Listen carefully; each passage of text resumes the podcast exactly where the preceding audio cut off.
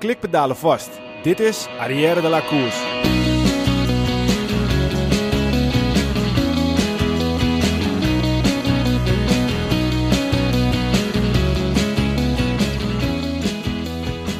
We hoppen van e-race naar e-race.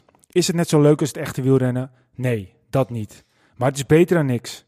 Naar zweten en zwoegen renners of rensters kijken in hun schuur, kelder of balkon wordt bijna een vertrouwd beeld. Innovatie mensen, het is in deze tijd van groot belang. Wordt er dit jaar nog gekoerst? Geen idee. Kijken we naar uit? 100%. Tot die tijd genieten ook wij van de Velebiele podcast. Ten Dam, die ons leert hoe de benen bruiner te laten lijken. Sokken over de beenstukken of juist eronder. Tristan Hofman, die stiekem eigenlijk een hele goede renner was. En Bogert, die zelfs digitaal zijn tanden laat zien. Kruiswijk, die in eerste instantie helemaal niet op Tom zat te wachten. En Tom, die eigenlijk weer gelukkiger is dan ooit. Het is geen echt wielrennen, maar het voldoet. Tot die tijd van het echte wielrennen, allemaal met die dikke coronabillen Swift ontdekken. Als je dat al niet lang al had ontdekt natuurlijk. En als je dan toch buiten fietst, doe een helm op en wees geen aso. Maar lieve luisteraars, onthoud in deze tijd vooral deze spreuk. Denk aan wat je nu kunt en niet aan wat je vroeger allemaal kon.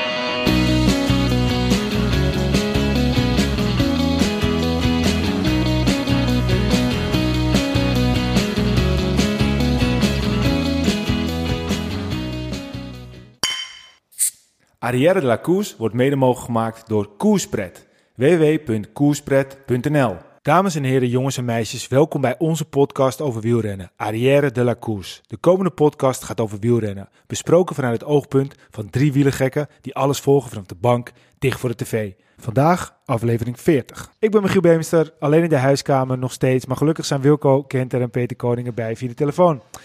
Mannen, houden jullie nog steeds Zo. een beetje taai? Goeie, goeiedag allemaal weer. Goeiedag, goeiedag. Hey. Hey. Gaat het goed met jullie? Ja. ja, gaat uitstekend. Ja? Ja? Ja, Dat ja klinkt goed. zeker. Nog gezond.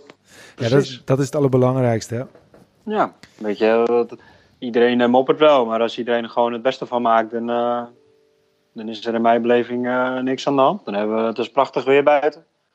Iedereen kan doen wat hij zelf wil. Je kan alleen je vrienden en je familie eventjes niet bezoeken. Ja, Ja. afstand, maar Ja, en dat is ook net wat Dus, we eh, in het begin praatje natuurlijk, de, de, de mooie spreuk. eh, van denk aan wat je nu kunt en niet aan wat je vroeger allemaal kon. Dat is ook natuurlijk wel een beetje de strekking van dit hele verhaal. We moeten gewoon positief blijven. En eh, ja, we kunnen altijd wel terugkijken van wat er allemaal niet is. Er is geen wielrennen op tv, er is dit niet, er is dat niet. Maar gelukkig kunnen er heel veel dingen wel, weet je wel. Ik bedoel, we zijn allemaal gezond. We kunnen lekker nog, nog buiten fietsen.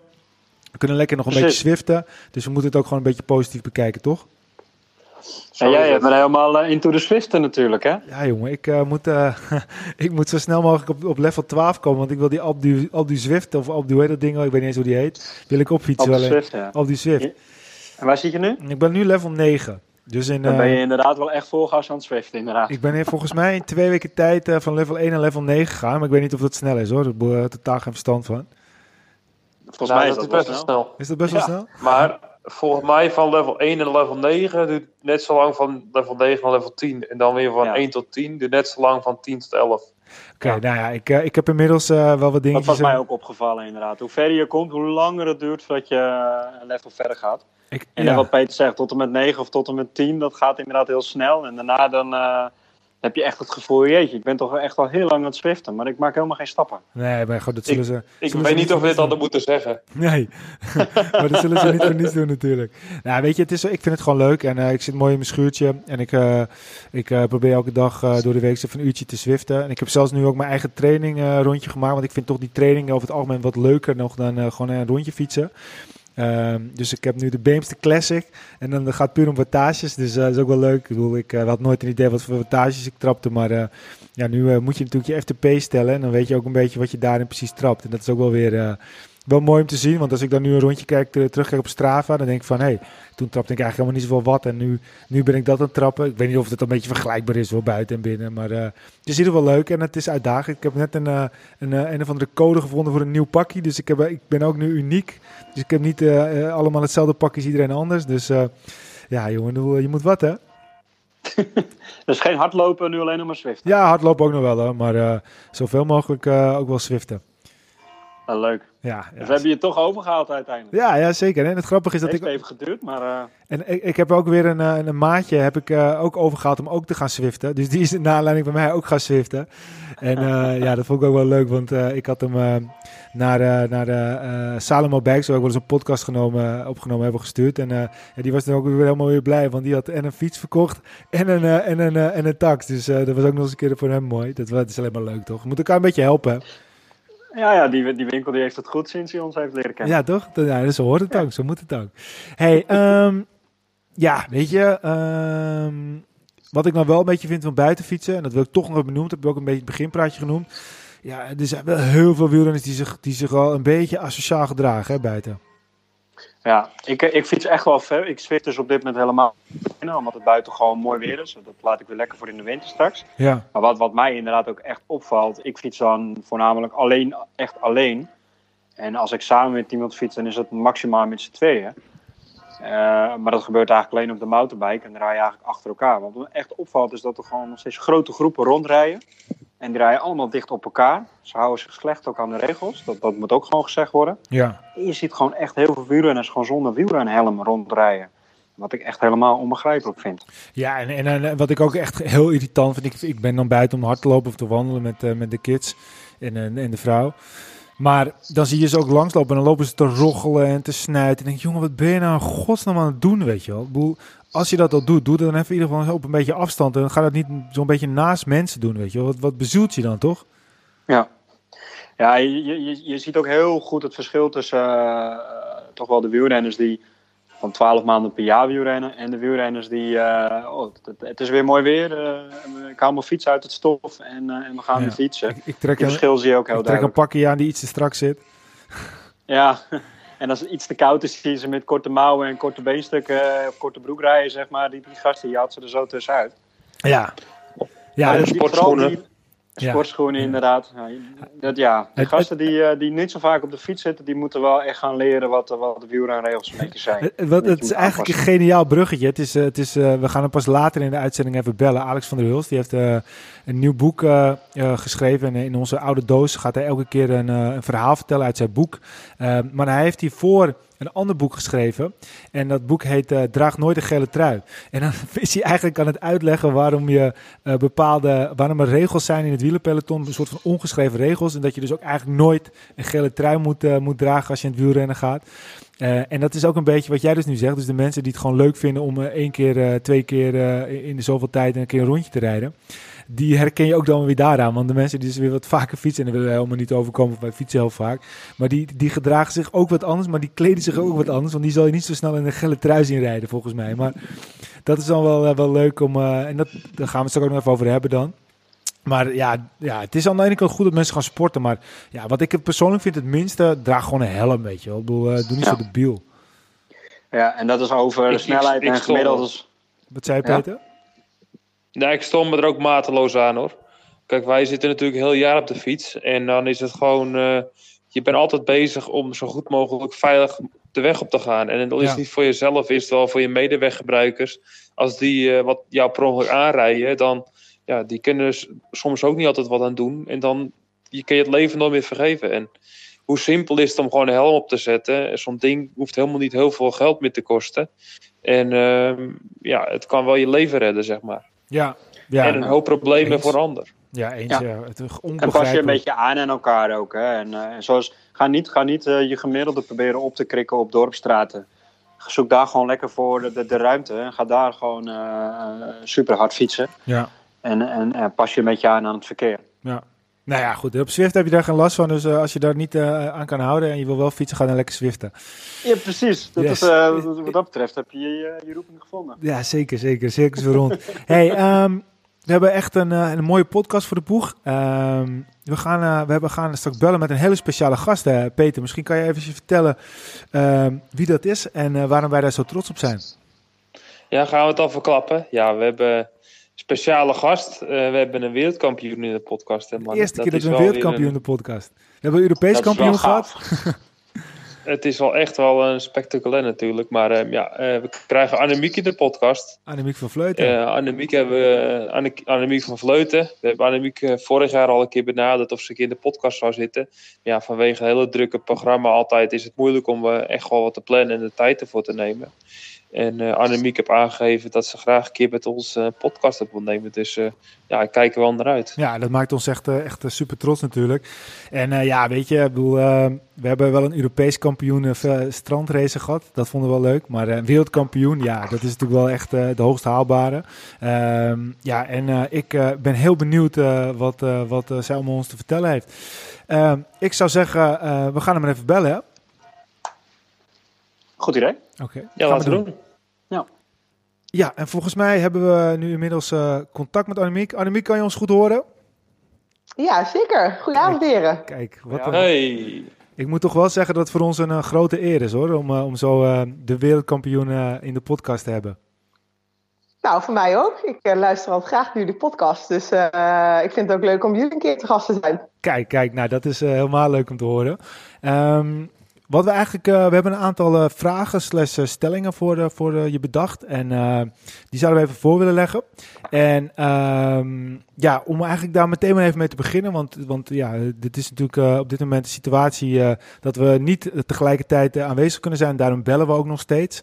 Ehm, hoe ziet je dag er op dit moment uit? Uh, ja, uh, ik ben heel veel thuis en uh, ik probeer elke dag iets af te vinken van mijn kluslijst slash opruimlijst. of iets anders nuttigs te doen in ieder geval op die dag. Dus ik wil, nou natuurlijk niet elke dag, maar ik probeer het toch wel een beetje deze coronatijden ook te gebruiken om nou ja, even iets anders te doen. Of ook een beetje de mogelijkheden die dit biedt te benutten. Um, en ja, verder rest gewoon, uh, ik maak gewoon wel wat uurtjes op de fiets. En dat doe ik niet volgens een strak schema. Maar um, ja, ik, uh, ik probeer gewoon een beetje fit te blijven. En ben jij dan echt, ook echt gewoon van het lekker buiten fietsen? Of, of, of ben je al, ik, we hebben net namelijk ook even uitgelegd dat ik heb sinds kort Swift ontdekt. En ik vind het echt helemaal te gek. Maar, maar ben jij een, een fan van het online fietsen? Of, of ben je echt iemand die nog steeds gewoon het liefst gewoon buiten rijdt?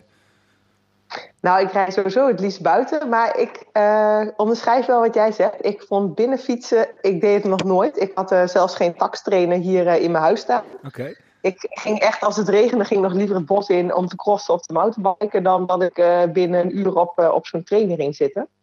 Dan kon ik echt de minuten aftellen. Maar ik moet zeggen, sinds ik Swift heb ontdekt... en ik nu ook echt een hele goede tax smart trainer heb... ja, gaat, is het ook wel echt veel comfortabeler fietsen. Uh, ik heb een hele mooie setup gekregen van Zwift. Gaaf. Uh, en uh, ja, het is eigenlijk gewoon heel erg leuk. Dus ik had vandaag een rustdag.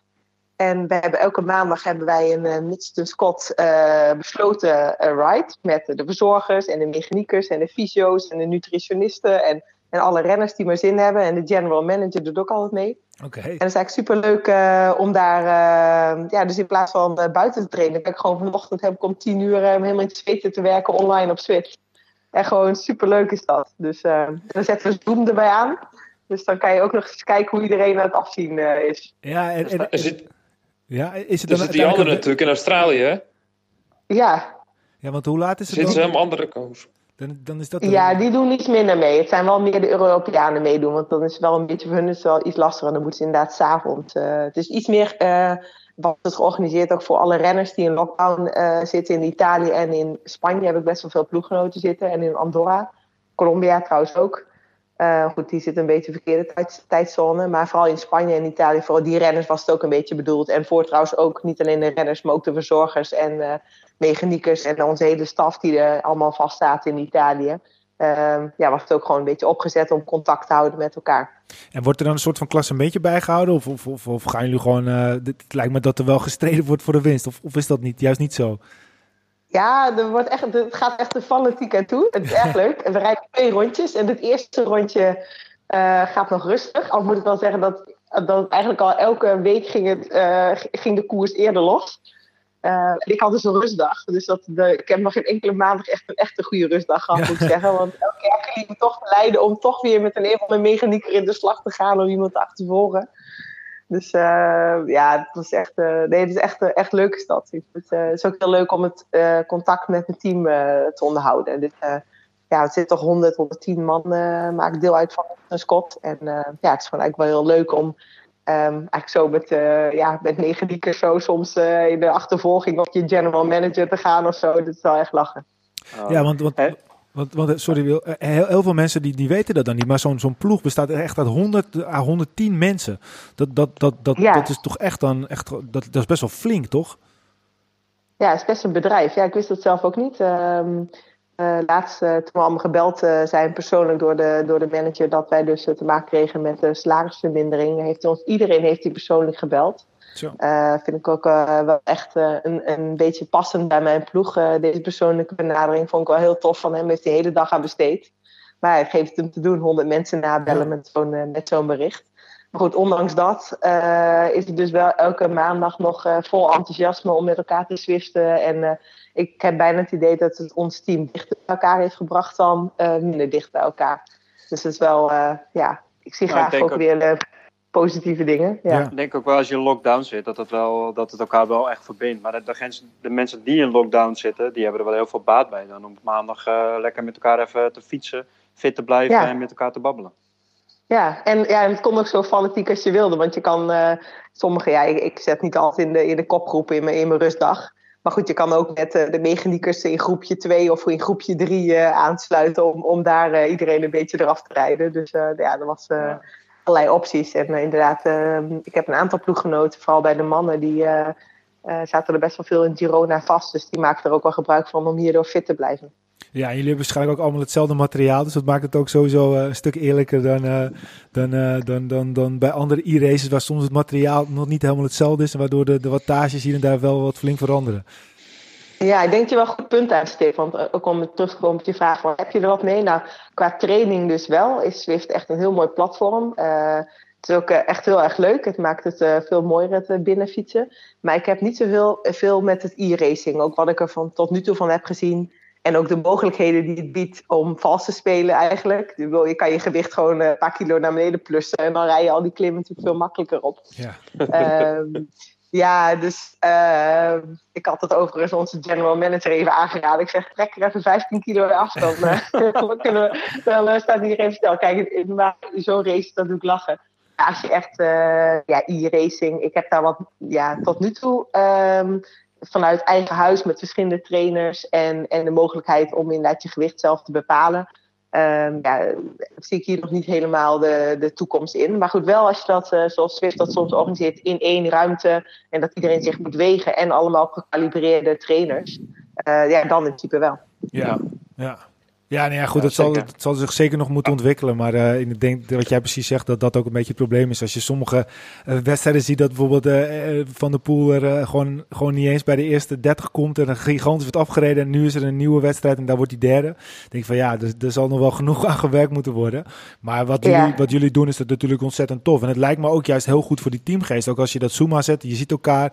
Ja, het lijkt me ook wel gewoon gezellig. Ja, klopt. Maar we hebben ook een aantal eh, evenementen gehad, eigenlijk best wel vaak drie keer per week, waar eh, iedereen aan mee kon doen. Woensdag, op zaterdag, op zondag hadden we dat. En hadden we woensdag hadden we bijvoorbeeld vaak een achtervolging. Dus dan lieten we het publiek eh, eerst starten. En wij starten, de vrouwen starten dan één minuut erachteraan. En de mannen twee minuten achteraan. En dan moet je, vooral in Zwift heb je ook voordeel van, van de draft, van in het wiel zitten. Ja.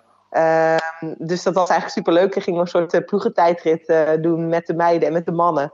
En om dan het publiek te achterhalen. En eh, je merkt echt veel enthousiasme bij, eh, ja, bij de fans. Dus dat is wel echt een leuke manier, vind ik. Eh, eigenlijk een leukere manier dan e-racing.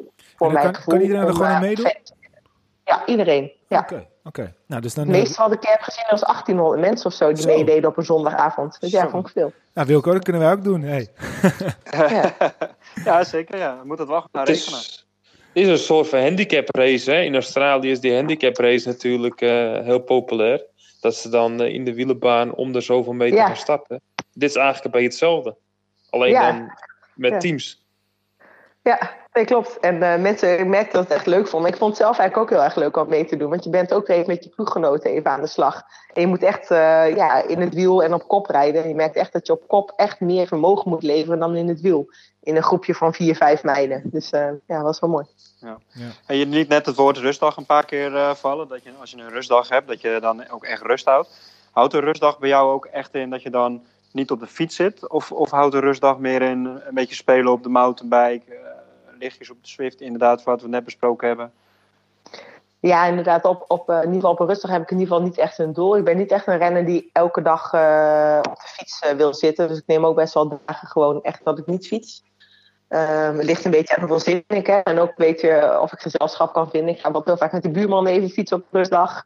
Hij een lekkere workout en praten we even bij.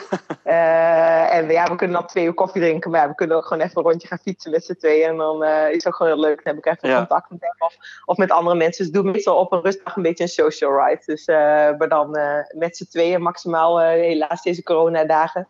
Maar het is wel een leuke manier om even bij te praten. En uh, ja, ik zeg altijd meestal, ik laat mijn benen dan vallen. Dus dan zit er geen, uh, geen tijdstuur aan of uh, gewoon ergens heen nee. fietsen waar ik zin in heb. Koffietje geen, onderweg misschien, ja. Precies, geen druk op de pedalen, gewoon lekker draaien.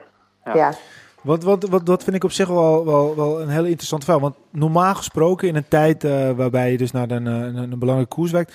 Hoeveel uur train je dan in de week? Hoeveel, hoe, hoe, moeten we dat, hoe moeten we dat zien? En hoeveel is dat dan ongeveer? Ja, het varieert mij een beetje, denk ik, tussen de uh, 20 en 30 uur. En uh, die 30 uur is wel echt mijn max. En dat doe ik vaak op een hoogtestage. Dus dan heb ik echt wel heel veel volume. Dus ik ben een type renner die heel erg fit wordt van heel veel volume draaien. Uh, en vooral um, op hoogte. Uh, en niet alleen maar rustig duur, maar dan ook wel een beetje afwisselen met tempo duur. Uh, maar 30 is wel een beetje de max. Dan, dan merk ik ook wel echt dat ik na een week van 30 uur... dat ik wel echt meer ga slapen en echt wel moe word. Tja. Ja, ja dat, dat, dat is natuurlijk ook gewoon uiteindelijk gewoon een, een dikke volle werkweek. Want uh, het stopt niet bij die 30 uur. Dus dat zijn echt, dat zijn echt uren, zeg. En dat neem aan dat dat natuurlijk niet elke, elke dat is echt een losse periodes. En zo'n periodes als nu. Um, hoe, hoeveel uur train je nou nu bijvoorbeeld? Is het gewoon meer behouden of is het ook echt wel proberen naar iets toe te werken? Nee, het is nu echt behouden. We hebben alle, gelijk alle intensieve trainingen eruit gegooid. Uh, ook het doel, uh, omdat we gewoon wisten dat het, ja, het, koers heel ver weg gaat zijn. En misschien omdat we gewoon ook nog een kans dat we in oktober en november nog heel lang gaan doorkoersen. Dus je nu zelf heel erg gaat uitknijpen met allerlei blokjes en uh, fit blijven eigenlijk voor niks. Het is eigenlijk zonde van de energie. Het is denk ik wel zaak om deze periode gewoon een beetje fit te blijven. In ieder geval dat je het niveau niet helemaal wegzakt. Dus ik ben eigenlijk niet heel specifiek aan het trainen en ook niet strak met een schema. Um, en het doel is voornamelijk ook om mentaal een beetje fris te blijven. Dus uh, dat, je, dat je na, als je weer mag koersen, dat je wel echt nog uh, gretig bent om weer die zware intensieve trainingen te gaan doen. Ja, precies, precies. Dus het moet gewoon echt gewoon, het moet leuk blijven. De, de, de, de, de vlam moet blijven branden om straks echt weer het vuurtje volledig aan, uh, aan te kunnen steken. En, ja. Ja, het is natuurlijk moeilijk om, om naar de toekomst te kijken. Uh, de wielenkalender is eigenlijk nog niet, niet duidelijk. Het verandert. Uh, uh, met name de dames is natuurlijk, wat ik persoonlijk, ja, ik ben wel benieuwd wat, je, wat jouw mening erover is. Um, vind je nou in dit geval dat, dat de UCI dan eigenlijk te weinig het voortouw neemt? Of heb jij zoiets van, ja, ze moeten ook wachten en het is onduidelijk. Wat, wat is jouw standpunt daarin?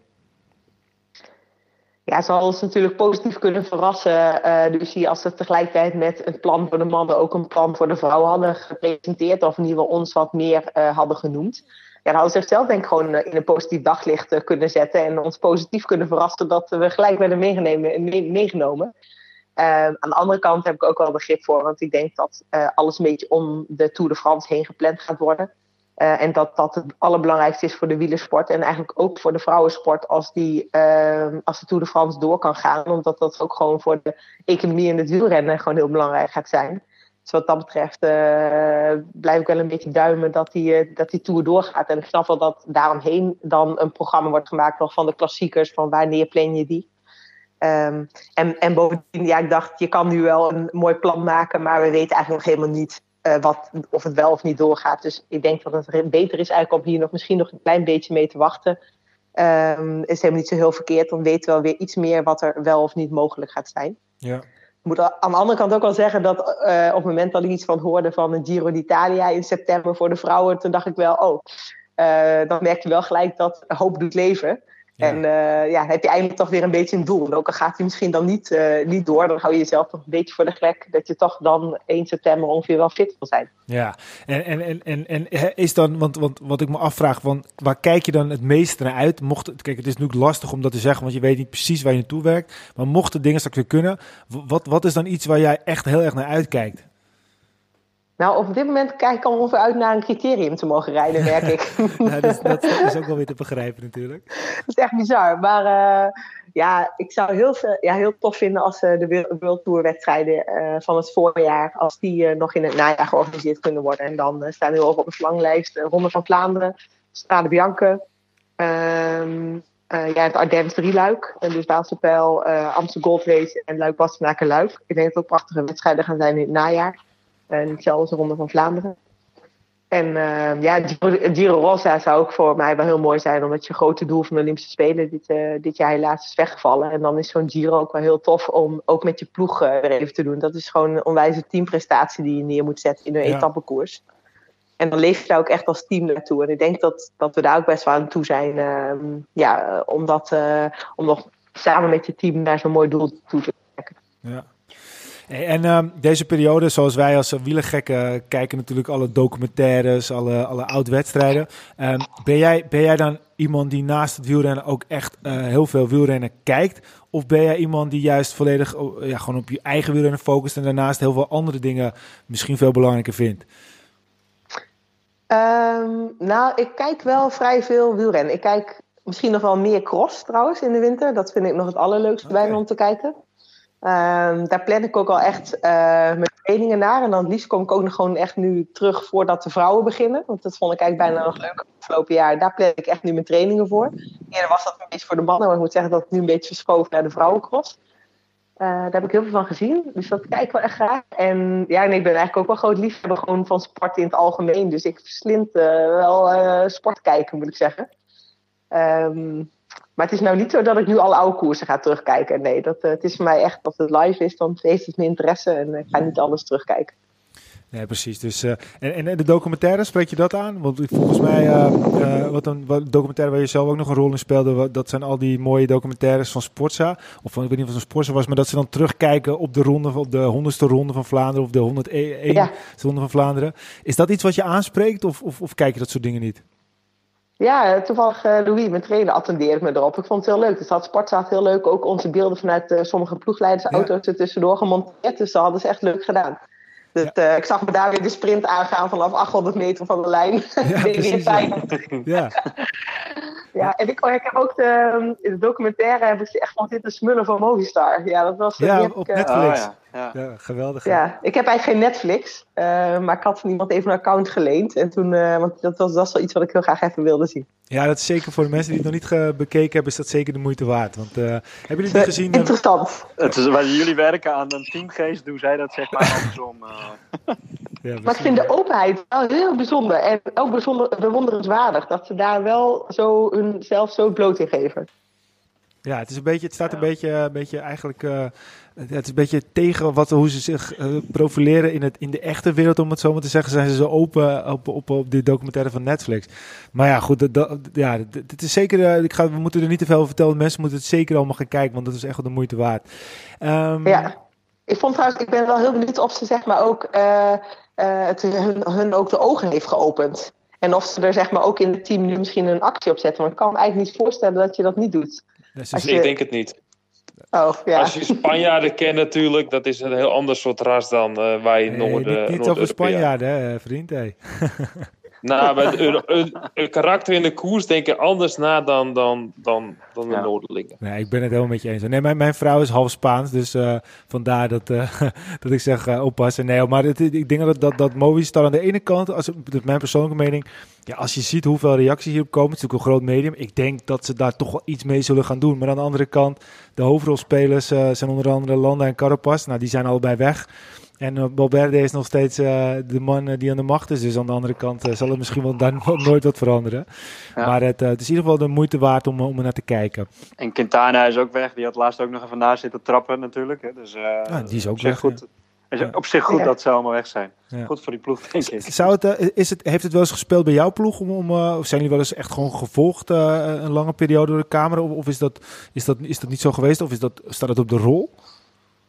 Nou, ze hadden dit jaar het plan, eigenlijk al voordat het wereldkampioen werd, om uh, onze, of nou, vooral mij te volgen. En er zijn er uiteindelijk twee afleveringen van gekomen. Eén keer dat ik met de mannen mee op trainingskamp ben.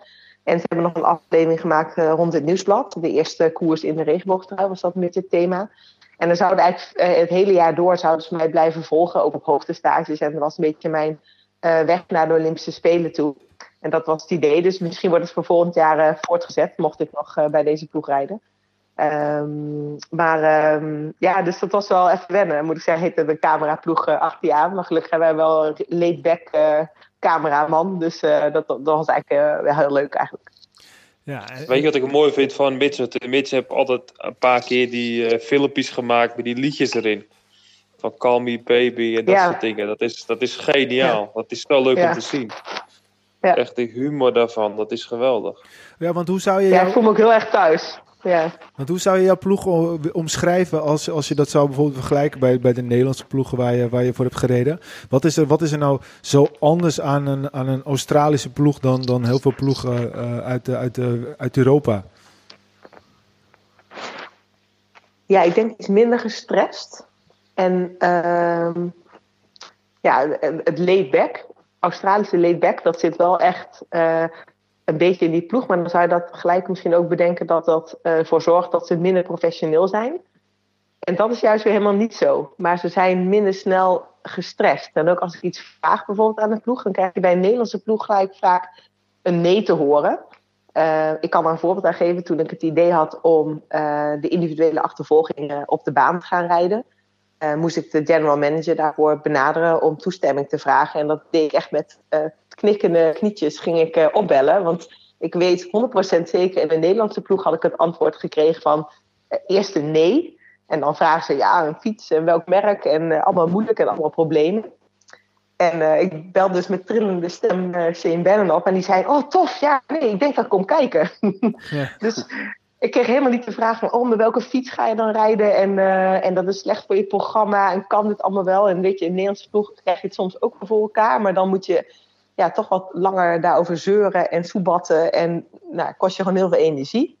En uiteindelijk krijg je het vaak wel voor elkaar. Maar dan ben je gewoon um, uh, ja, wat, wat, uh, wat uh, energie kwijt. Ik denk dat een Tom Dumoulin daar bijvoorbeeld ook een beetje tegenaan liep. Ja. Um, dat, dat zit soms een beetje in, in Nederlandse wielerploegen um, wel een beetje verweven. En uh, Australiërs denken iets meer in mogelijkheden. En, dus uh, eigenlijk ja. wat je ook zegt, als je heel veel plezier kan maken, en of het dan op de baan is of op de mountainbike of wat dan ook, denken zij ook de komende resultaten waarschijnlijk vanzelf. Ja, dat klopt. gemotiveerd blijft. Ja, ik weet ook dat ik in 2017 kon ik het, uh, de World Tour winnen. Als ik nog een aantal wedstrijden in augustus zou rijden. Maar ik wilde heel graag op hoogte stage om me voor te bereiden voor het WK. En ik had echt maar een paar puntjes nog nodig. Dus als ik wat wedstrijden in Noorwegen had gereden, had ik die World Tour kunnen winnen. Um, ik weet zeker dat, uh, dat het in andere, niet in alle ploegen zo was gegaan. Maar ik kreeg zonder te zeuren toestemming dat ik op hoogte stage mocht. Omdat ze erin vertrouwden dat ik uh, ja, die voorbereiding nodig had. En dat ik dat ja. misschien wel terug zou geven. En toen werd ik dus wereldkampioen op de tijdrit. Maar goed, geen garantie natuurlijk voor hen dat ik dat zou worden. Uh, maar zonder gezeur uh, gaven ze mij toestemming dat ik weg mocht en dat ik niet, uh, niet die World Tour koers hoefde te rijden. Ja, Vond ik wel heel speciaal. natuurlijk weer uit in nog meer motivatie om je ploeg terug te betalen. Klopt, ja, want ik merk nu ook dat ik daardoor gewoon weer veel, als ze mij nu iets vragen, dat ik veel meer geneigd ben ja, om ook iets voor hun te doen. Als ze zulke mooie dingen ook voor jou zonder te zeuren regelen, ga je nu ook niet dwars zitten liggen als ze een keertje aan mij vragen. Dan, ja, dan doe je dat graag. Ja, precies. Dat is wel heel mooi. En, en, en ja, het is heel open-minded. Heel open-minded ja. uh, cultuur is het in Australië. Het ja. is uh, sport gefocust met alles eigenlijk. En echt die open mind, dat ze gewoon continu proberen jezelf, gewoon je beter maken eigenlijk. Op ja, alle dat klopt. Ja, dat, dat zou je als tijdrijder ook wel hebben aangesproken. Want de eerste dag dat ik het trainingskamp had, de eerste dag dat ik het trainingskamp had bij, de, bij mijn ploeg, uh, zat ik al in de windtunnel in Melbourne. Nou, ik was nog nooit ja. in de windtunnel geweest bij, uh, bij mijn voorgaande ploegen. En uh, opeens, uh, de eerste dag van het trainingskamp, Melbourne, uh, Australië in de windtunnel. En ik heb nu een mechanieker, die belt me enthousiast op als hij weer een ketting heeft gevonden die me 2 watt gaat besparen. Die belt me gelijk op. Dus er zit echt wel heel erg veel passie en beleving ook in die aerodynamica bijvoorbeeld. En dat is ook echt wel een van de redenen dat ik bij deze ploeg zit. Ja, het is gaaf. Zou het trainingskamp in Pride gehad zeker, of niet? Ja, klopt ja. De, dus de eerste had ik in Melbourne en daarna door naar Bright. Ja, heb je ook gezeten? Ja, dat is geweldig. Dat is ja, zo mooi hè? Ja, dat vind ik ook een van de mooie gebieden om te trainen voor Australië. Ja. Heel mooi. En, en als je nou, uh, als we straks, uh, nou, we, we, kunnen naar de toekomst kijken, uh, gaat sowieso ooit weer gewielrend worden. Wat is dan echt jouw ultieme doel wat je, wat je op dit moment nog, nog met een rode streep omcirkeld hebt, wat, wat je uh, absoluut nog zou willen behalen of nog een keer zou willen behalen? Waar, waar werk je naartoe? Ja, de Olympische Spelen 2021 zijn natuurlijk onwijs omcirkeld in mijn agenda. Dus uh, wat dat betreft is mijn droom niet veranderd, alleen de datum. En daar wil ik, kost wat kost, gewoon op de top presteren. Dus ik leg er niet per se een, een resultaat op, maar uh, ik ga er alles aan doen om daar op en top uh, aan de start te staan. En, en op beide disciplines? Of, of, is de focus dan, dan, dan meer op het tijdrijden? Of is de focus dan meer op de weg? Of, of, of is het echt gewoon beide wat, wat heel belangrijk is? Ja, echt beide. Dus ik hoop heel erg voor beide gewoon geselecteerd te worden. Uh, dat is ook nog maar de vraag hoor. Dus we hebben maar vier plekjes en maar twee plekken op de tijdrit. Dus met zoveel klasbakken, nee, dat is dat geen uitgemaakte zaak. Ja. Um, dus ja, ik uh, deze tijd gebruik ik ook heel erg uh, ook om weer even wat extra aandacht en puntjes op de i te zetten qua tijdrijden. Um, want de stand is achteruitgang, denk ik. Um, dus ja, nee, dat is wel echt een hele grote droom, uh, Olympische Spelen. Maar ik moet ook zeggen, ik had dit jaar ook wel heel veel dromen om nog een keer Ronde van Vlaanderen te winnen. Dat, dat lijkt me ook echt zo gaaf. Dat heb ik in 2011 gewonnen en dat zou ik heel graag uh, nog een keer een beetje in mijn tweede carrière, noem ik het wel eens een beetje, nog een keer willen doen. Ja, want, want, want ja. in eerste instantie even over het Olympische Spelen. Uh, je, je, jullie zijn daar destijds ook naartoe gegaan, toch? Om, om het parcours te, te, te, te analyseren. Ja. En, en, en, en uh, hoe, hoe schat je je eigen kans in daar? Ja, gelukkig heeft Yorkshire me geïnspireerd dat ik uh, niet per se uh, het uh, parcours hoef te hebben wat onwijs op mijn lijf geschreven is. dus ehm, dat heeft me wel meer de ogen geopend dat er altijd meer mogelijk is en dat je in meer mogelijkheden moet denken dan in beperkingen bij een parcours. het is bijvoorbeeld heel jammer dat voor de mannen gaat er echt, is het echt op het lijf geschreven van een klimmer. En uh, eerst zei ik wel van ja, uh, waardeloos dat dat voor de vrouw niet is. En dat vind ik ook nog steeds jammer. Ik vind eigenlijk dat het type renner dat bij de mannen kan winnen, uh, ook uh, dat soort type renner bij de vrouwen ook de koers moet kunnen winnen. Dus een vergelijkbaar parcours, alleen dan wat korter. Maar goed, ja. heb ik niet onder controle. Dus moet, ik me niet, moet ik me niet druk over maken. Hetzelfde over het aantal startplekken, ook niet onder controle. Moet ik me ook niet druk over maken. Is ook niet eerlijk. Ja. Um, maar goed, waar kan je dan wel, ik moet focussen op wat ik wel onder controle heb.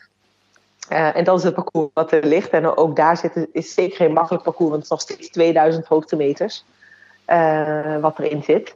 Um, maar niet, dat loopt geleidelijk omhoog. Dus bij, ons, bij, bij de mannen gaat het echt Mount Fuji over en bij ons is het um, ja, wat minder uh, klimwerk.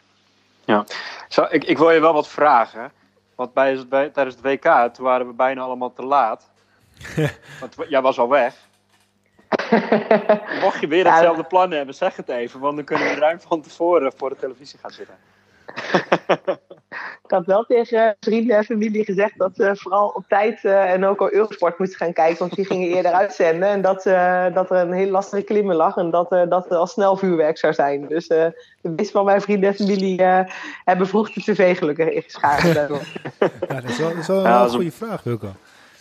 Ja joh, maar ja, dat, dat, dat was essentieel joh. Dat was een prachtige koers, maar we hadden het belangrijkste moment zo goed als gemist. Ja. ja. Ah, je kan er gewoon het, hetzelfde als Mathieu doen. Mathieu zei ook in een interview, geloof ik, van... Uh, als ze mensen vragen wat ik ga doen in de Amsterdam Gold Race... ga ik weer aanvallen op de Gulpende Berg. Iedereen verklaart hem van gelijk. Maar ja, niemand verwacht het. En hij zegt, nu weten de mensen niet meer of ik het wel of niet moet gaan verwachten. Dus een beetje nee. zand in de ogen strooien van de mensen... dat kan soms ook toch wonderen doen. Ja. Ja. ja het, het, het, parcours in Tokio biedt wel, uh, biedt wel allerlei mogelijkheden, denk ik. Dus uh, er zitten uh, zit toch echt best wel mooie lastige stukken in. En ook waar we finishen. Um, we finishen op een Formule 1 circuit, maar fris je niet, dat is totaal niet vlak. Dus daar finishen we met de tijdrit en met de wegwedstrijd. En nou ja, zelfs daar uh, zitten echt wel 300 meter stukken à 8% in of zo. zo. Dus het is echt, uh, ja. ja. het is best pittig. Dat is best, ja, zeker pittig. Ja. Zeker als je het heel warm hebt gehad. Dus uh, ja. En, en, en, jij noemt net Vlaanderen als, als een van de, de, de absolute doelen. voor ons als wielerkijkers is dat toch een beetje de holy grail. Um, wat, wat, is, is dat dan ook echt de wedstrijd voor jou die, die, die extra speciaal is omdat er zo veel publiek staat, omdat het zo beladen is? Of, zijn er ook nog meer wedstrijden waarvan je zegt, nou ja, of een andere wedstrijd, die, die, dat is zo speciaal om daar te rijden? Of is dat echt Vlaanderen? Nee, ja, ik heb er wel meerdere. Ik vind Strade Bianchi heeft de allermooiste finish van alle wedstrijden in, uh, op Piazza del Campo in Siena. Dat is echt, uh, je kan geen betere finish uh, hebben. Daar kunnen ze in, in Vlaanderen nog wel eens even iets aan verbeteren wat mij betreft. Aan een mooie sfeervolle finish. Ja. Um, dus dat, dat doet een beetje afbreuk aan Ronde van Vlaanderen, vind ik, de, de manier waar je op je finish. Maar goed, er staan gelukkig hartstikke veel mensen. Uh, dus dat is wel mooi. Uh, maar ja, de, de, ik kijk heel erg uit naar de Strade Bianca van dit jaar najaar ook wordt ge, georganiseerd. Een onwijs mooi gebied. Ook een heel mooi gebied van Toscane. En uh, ja, uh, dat is echt heel erg mooi. Maar ik vind ook het Ardennes drieluik. Ja, Amsterdam Gold Race heeft ook een hele speciale plek in mijn hart. En ik vind het ook heel mooi dat die nu weer voor vrouwen wordt georganiseerd. En dat ook wel toch een aantal keer echt hele mooie spectaculaire wedstrijden bij de vrouwen heeft opgeleverd.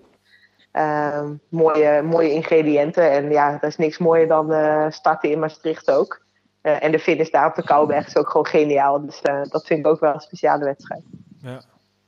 Ja, nee, eigenlijk is het voor de ASO of de UCI gewoon een uitgelezen kans om dit jaar gewoon een keer echt een uniek evenement te maken voor de vrouwen. Bijvoorbeeld een prijs Roubaix dit jaar of een, een Tour de France van twee weken bijvoorbeeld. Om een keer echt mooi statement te maken dat de vrouwen net zo belangrijk zijn als de mannen. Ja, ik heb ook stiekem best wel een beetje hoop dat, omdat we nu in het najaar gaan koersen, want onze kalender stopt eigenlijk altijd ongeveer met het WK eind september. Dus wij hebben eigenlijk nog een hele oktobermaand onbenut uh, om mooie najaarskoersen voor ons te organiseren. Dus in het voorjaar is onze kalender nu best wel dubbel, hè, van de World Tour uh, mannenkoers en ook veel vrouwenkoersen. Uh, maar bijvoorbeeld, we hebben nog geen Lombardije. Uh, nou, inderdaad, de Parijs-Roubaix, die ontbreekt nog een beetje in het voorjaar. Die staat hoog op mijn verlanglijst. En ik heb elke keer gezegd dat ik ik ga niet stoppen voordat Parijs-Roubaix voor vrouwen is. Dus uh, ze moeten een beetje gaan opschieten. maar een Lombardije voor vrouwen, dat zou natuurlijk ook geniaal zijn. Dus dat we ook gewoon wat mooie najaarskoersen nog hebben. Dus dat die organisatoren zich uh, nu ook, ja, dat ook oppakken om dat voor ons in het najaar te organiseren, wat er nog gaat komen. En, en, en... Ja, maar normaal zijn de junioren natuurlijk voor de mannen in de Roubaix.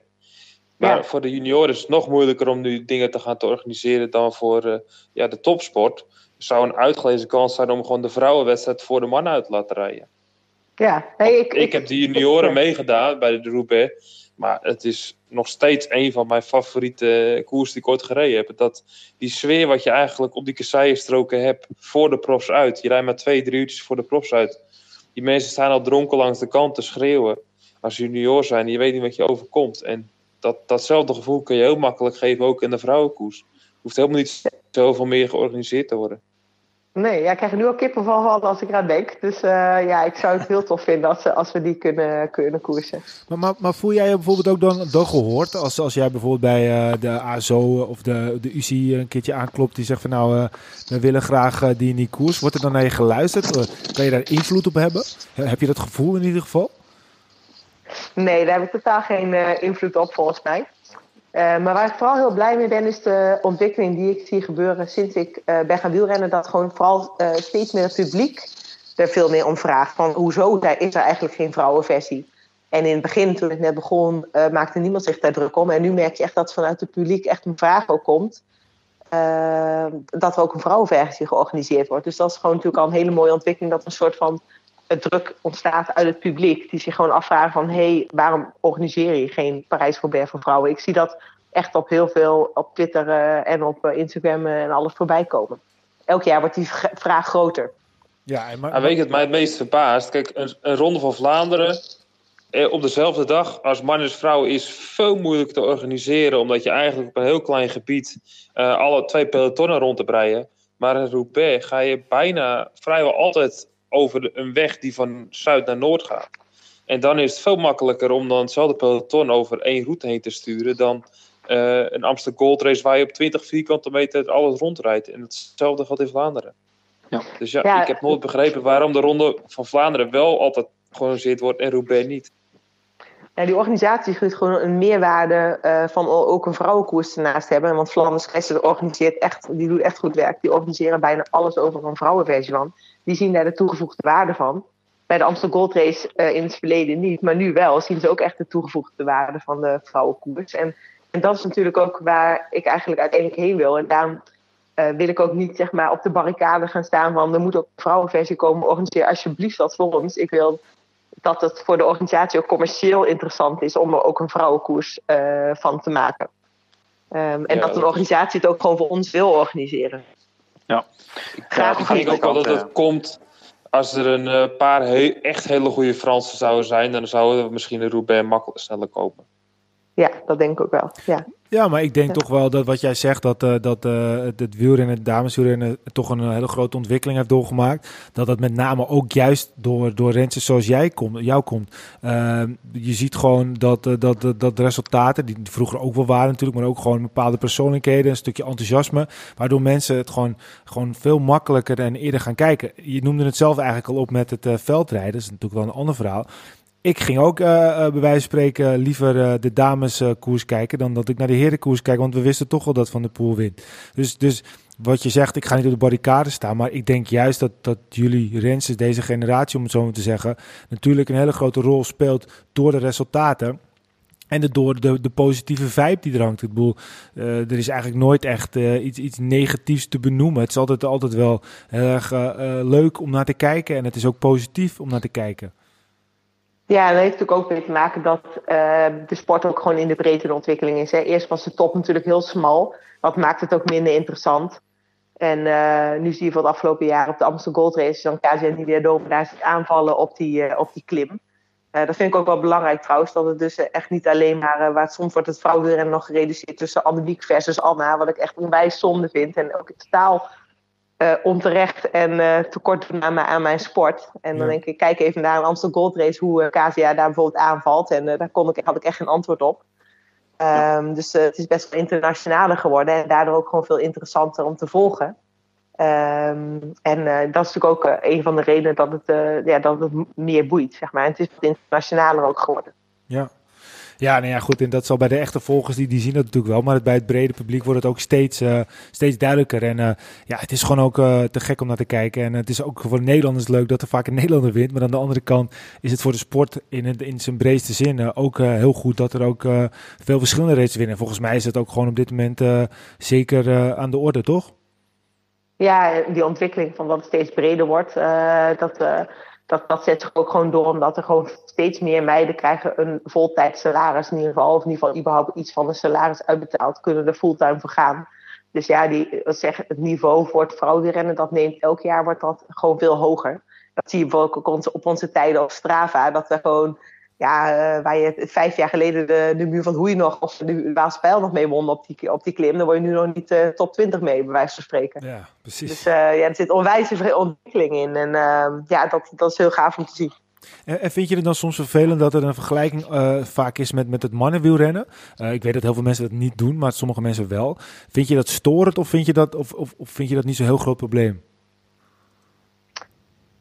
Ja, in welk opzicht bedoel je de vergelijking? Nou, bijvoorbeeld wat jij zegt met de, de straventijden, dat er bijvoorbeeld een staat van uh, de straventijden en Annemiek Vleuten staat er, heeft een snellere tijd dan die en die. Dan denk ik wel eens van ja, dat is op zich toch helemaal niet belangrijk. Ik bedoel, het zijn gewoon sport op zich. Je hebt de dameswielrennen en je hebt de herenwielrennen. Maar dat er dan soms een, een item van wordt gemaakt dat, doordat jij een snellere tijd op een stravensegment rijdt dan een, een, een mannelijke prof. Ik vind dat soms niet Ja, ik vind totaal, totaal uh, een vergelijking die totaal niet opgaat en ook helemaal niet zinvol is. En, maar ook helemaal niet boeit. Uh, vind ik ook jammer eigenlijk. Uh, want uh, ik ben nooit sneller dan een man. Dus um, ja, waarom gaan we dat vergelijken? Je moet gewoon binnen mijn sport houden. En binnen. Het is wel mooi, vind ik, dat soms bij die tijden. ik vind niet, het moet worden vergeleken, maar soms zie je het wel, zetten ze tegen elkaar over. En dan zie je gewoon van, goh, bijvoorbeeld een aantal uh, amateurwielrenners, die zullen in het verleden hebben gedacht van, oh ja, vrouwenwielrennen stelt niet zoveel voor. En nu door bijvoorbeeld die tijden van op de muur van Hoei of uh, op de muur van Gerardsberg in beeld te brengen, dan komt er wel een realisatie dat onze, mijn sport bij de vrouwen ook echt super professioneel is. En dat dat niet zomaar, dat je ons niet zomaar even bijhoudt, zeg maar. Dus wat dat betreft vind ik het wel positief dat die Strava-tijden af en toe uh, worden genoemd. Ja. Maar in de vergelijking gaat het totaal niet op. Ik bedoel, uh, ik, ik weet hoe groot het verschil is en ik maak me geen enkele illusie dat ik ook maar enkele man uh, eraf kan rijden. Nee, maar het lijkt me ook totaal niet nodig. Ik bedoel, je gaat ook niet andere sporten een, een, een tennister tegen een tennister neerzetten. Ik, bedoel, ik weet ook dat het steeds minder gebeurt, hoor. Maar je ziet het soms wel voorbij komen. En dat lijkt mij dan toch altijd een beetje storend. Want, want, wat, ja, wat heeft het voor nut? Ja, nou valt in Vlaanderen deze heel aardig. Mijn tijd op de muur, je kan het ook zo niet vergelijken. Want uh, je hebt natuurlijk allerlei verschillende koersverlopen. Hè. Bij ons werd aangevallen en bij de andere, bij de mannen rijden ze misschien rustig overheen. Dus sowieso gaat de vergelijking totaal niet op. Je moet in dezelfde koers hebben gezeten. Uh, maar daar deed het wel aardig in een krantartikel om toch gewoon even aan te zetten. Wij waren een minuut langzamer op de muur. Maar dan denken toch wel een aantal mensen... Oh, oh ja, dat gaat toch ook nog best wel... Best wel wordt er nog doorgereden door de vrouwen. Ja, nou ja, goed, ja. ja dat, dat, dat is ook wel weer de andere kant van het verhaal. Hey, en uh, je noemde net al even de Tour de France. Uh, dat die essentieel is in het, uh, in het, in mannenwielrennen. En daardoor ook omdat het een beetje ja, de motor is van het wielrennen. Daar gebeurt het. Uh, daar wordt de kalender op bepaald. Um, zie, je, zie je kansen in de toekomst dat er eventueel ook weer een, een, een uitgebreidere versie zou zijn van een dames Tour de France? Uh, ik zie dat niet op, het, op hetzelfde moment gebeuren als de Tour. Omdat de Tour zo'n groot evenement is, dat ik denk dat het, uh, in tegenstelling wat Peter ook inderdaad zei, op de eendagskoersen is er wel meer plek voor ons en is het makkelijker in te passen. Uh, en ik denk tijdens een Tour is het, um, nou ja, waar een wil is, een weg. Dus het zou moeten kunnen, maar het wordt wel heel ingewikkeld. Um, en het zou gewoon heel mooi zijn als de, als de Tour de France uh, op een ander moment uh, een vrouwenkoers uh, gaat organiseren. En dan staan we misschien ook wel meer in de spotlights. En misschien zou, de, zou dat zou ik echt wel heel erg toejuichen. Dus dat ze gewoon een, ja, een tweeweekse tour voor ons gaan organiseren. Tour feminin. En dan op een ander moment dan tijdens de tour. Ja, juist. Peter, misschien, denk... ik heb wel eens gedacht aan tijdens de Dauphiné bijvoorbeeld om dat gedeelte uh, samen te organiseren. Dan pak je toch wat mee van de uh, infrastructuur van media die er al is. Of een Tour de Suisse, daar zie ik ook altijd van zitten, omdat voor, ook voor vrouwen tegelijkertijd. Dus misschien moeten we iets, iets kleiner beginnen. Ja. ja, kijk, weet je, het probleem in de Tour is dat het gewoon zo'n groot circus is. Er lopen zo verschrikkelijk veel journalisten en mensen. En je kijkt alleen ja. in Nederland al hoeveel extra journalisten die nooit fietsen kijken daar naartoe gaan om iets mee te maken van het hele spektakel. Om dan nog meer hotelbedden, nog meer dat soort dingen te regelen. Dat is gewoon logistiek heel moeilijk. Dan moet je al bijna naar het idee wat Sky had een aantal jaar terug om gewoon een uh, ja, mobiele vrachtwagenpark te maken met bedden erin, een mobiel hotel. Uh, om een vrouwpeloton bij wijze van spreken onder te brengen. Ja, klopt. Maar goed, wat wel mooi zou zijn, dat vind ik nu wel een beetje een teruggang, dat er nu is gereduceerd tot een paar weerrondjes rijden op de Champs-Élysées. Uh, het zou bijvoorbeeld op de dag van de tijdrit, hè, dat zou, dat, daar kan je prima een, een, een vrouwenkoers, een vrouwentijdrit naast organiseren. Bovendien hebben we bijna geen tijdrit op de kalender staan. Um, en dus voor mensen eigenlijk ook die komen kijken, uh, vult dat ook echt iets aan, omdat je toch wat langer aan kan bieden dat, uh, dat er een wedstrijd gaande is. Um, en dat misschien tegen het einde in combinatie met finish op de Champs-Élysées en de tijdrit is vaak ook een beetje aan het eind, als die daar ieder geval ligt dat je drie dagen bijvoorbeeld achter elkaar organiseert. De laatste drie dagen, voor mij zou dat misschien even mogelijk zijn. Volgens mij kan je ook gewoon heel goed een, uh, met in de bergetappen wat organiseren voor vrouwen. Want als je wel eens kijkt dat de, de publiek soms wel drie, vier uur van tevoren al klaar staan met een koelbox in een stoeltje. Als je dan een vrouwenkoers langs laat gaan, is het tijd genoeg voor allemaal het hele karavaan langs te laten gaan. En dan de mannen vervolgens erachteraan te laten gaan. Ja. ja, dat heb ik natuurlijk twee keer gehad met finish op de Izoar en, uh, en de Grand Bernard uh, de andere keer. Ja, er waren prachtige koersen rond Annecy daar ook. Dus uh, ja, ik zou heel erg toejuichen. En dan organiseren ze eigenlijk ook wel iets unieks voor ons, omdat we eigenlijk verder geen uh, eendagskoers hebben die zo bergop zijn. Dus ehm, ja, ik vond het heel jammer dat, dat dat niet meer is. Ik volg je ook wel dat je, dat je zegt van een, een, langere periode tijdens de Tour, dat is niet te doen. Want dat, dat zou inderdaad echt de kosten gaan van de aandacht van het vrouwenwielrennen. Dus inderdaad, als je er twee, maximaal ja. drie dagen zou houden, dan zou je echt goede aandacht krijgen voor het vrouwenwielrennen. Maar op het moment dat je het langer doet, ja, dat zou wel zonde zijn als dat dan ten koste gaat van, het vrouwen, van, de, van de aandacht van het vrouwenwielrennen. Ja, ja ik, ik moet echt, uh, het is wel echt toe te juichen. Ik, als ik zie hoeveel aandacht we hebben gekregen met uh, die, die eendaagse wedstrijd die we hadden uh, op die zwaar en uh, Grand ja, dat was echt zo goed bekeken. Ja. Um, dus wat dat betreft is, uh, ja, helpt het wel echt heel erg om onze sport in de spotlight te zetten. Om één dag tegelijkertijd met in de Tour te hebben. Maar dat was ook, uh, ook natuurlijk fantastische etappen die daar werden gereden. Bedoel, ja, die, uh, dat heeft menig fan wel even teruggekeken, denk ik. Ja, wel mooi om die beelden af en toe nog bij te zien komen, ja. Ja, ja dus mensen die, die, die denken, nou, uh, wat, wat is precies, ga het zeker nog even terugkijken, want dat is zeker de moeite waard. Hey, en stel, jij bent uh, straks uh, gestopt over, over tig jaar en je, je, iemand komt naar je toe die zegt, Annemiek, jij mag een, een, een, een, damesronde bedenken in Frankrijk van tien dagen. Hoe zou die ronde er dan uitzien? Oh, jee. um, ja, misschien dus uh, tegelijkertijd met de Dauphiné. En uh, dan heb je denk ik alle ingrediënten er wel, uh, wel in zitten. Er moet ook een tijdrit in zitten en ook iets voor een sprinter nog.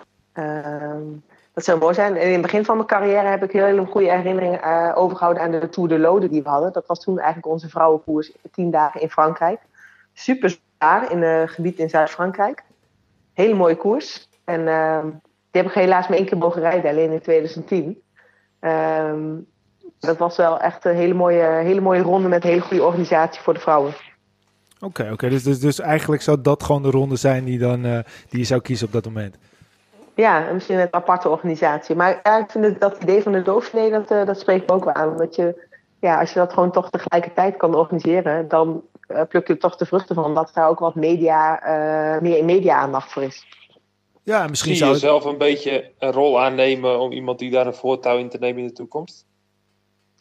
Oeh, uh, ja, nee, eigenlijk niet. Ik denk, uh, ik denk dat ik uh, me meer zou willen richten op het coachen van jonge atleten. Lijkt me heel erg leuk. Dus ik wil echt zeker in sport betrokken blijven. misschien hoeft niet per se binnen het wielrennen te zijn. Misschien zou ik het wel iets breder willen trekken. Ehm, maar ik, ja, ik heb zeker iets met sport wil ik blijven doen. Wat spreekt spreek je wel eens binnen het peloton wel eens over uh, hoe het jullie het zelf beter kunnen maken onder de vrouwen onderling? Of wordt er niet zoveel over gesproken? Ja, het is ook supergoed dat wij de Cyclist Alliance, zeg maar onze vakbond, is opgericht uh, door onder andere Iris Lappendel. En uh, ja, die doen onwijs goed werk hierin. En die zijn ook heel actief met allerlei ideeën opperen. Um, en zijn ook heel actief. Bijvoorbeeld we hebben ook hè, de IC weer benaderd op het moment dat wij niet werden betrokken bij de plannen voor, voor de nieuwe kalender. Um, zij zijn wel heel actief met, met ideeën voorbrengen. En ook in mijn team merk ik wel dat onderling veel over wordt gesproken van hoe kunnen we um, ja, ons wat, wat meer profileren en, en beter, in, uh, ja, beter in daglicht zetten. En ja, mijn team is er ook actief in. Ja, interessant. Ik denk dat dat ook, ook door die, is. Ja, bijvoorbeeld die documentaire die uh, mijn uh, ploeg heeft besloten om te maken. Als mensen het nog niet hebben gezien, voor mij zijn er twee delen uit en te zien op YouTube. Uh, eentje waar ze mij volgen is dat ik meetrain uh, met de mannen uh, tijdens het trainingskamp. Um, ja, dat, dat, dat soort documentaires denk ik ook heel mooi om te, ja, een inkijkje te geven. Um, en iets anders ook te brengen dan gewoon alleen een koers op tv laten zien. Is ja, hoe, hoe wat train je ervoor en what it takes heet het volgens mij. Ja, zeker. Ehm, ja, dat initiatief is denk ik ook goed om het, om het om de aandacht te brengen. Tja. Ik ja. denk ook dat er veel vraag naar is. Ik denk dat heel veel mensen wel willen weten hoe het achter de schermen gaat. En, en hoe de communicatie onderling verloopt tijdens trainingen. En omdat je als buitenstaander helemaal niet het idee hebt van hoe ploegen uh, erin staan naar elkaar toe.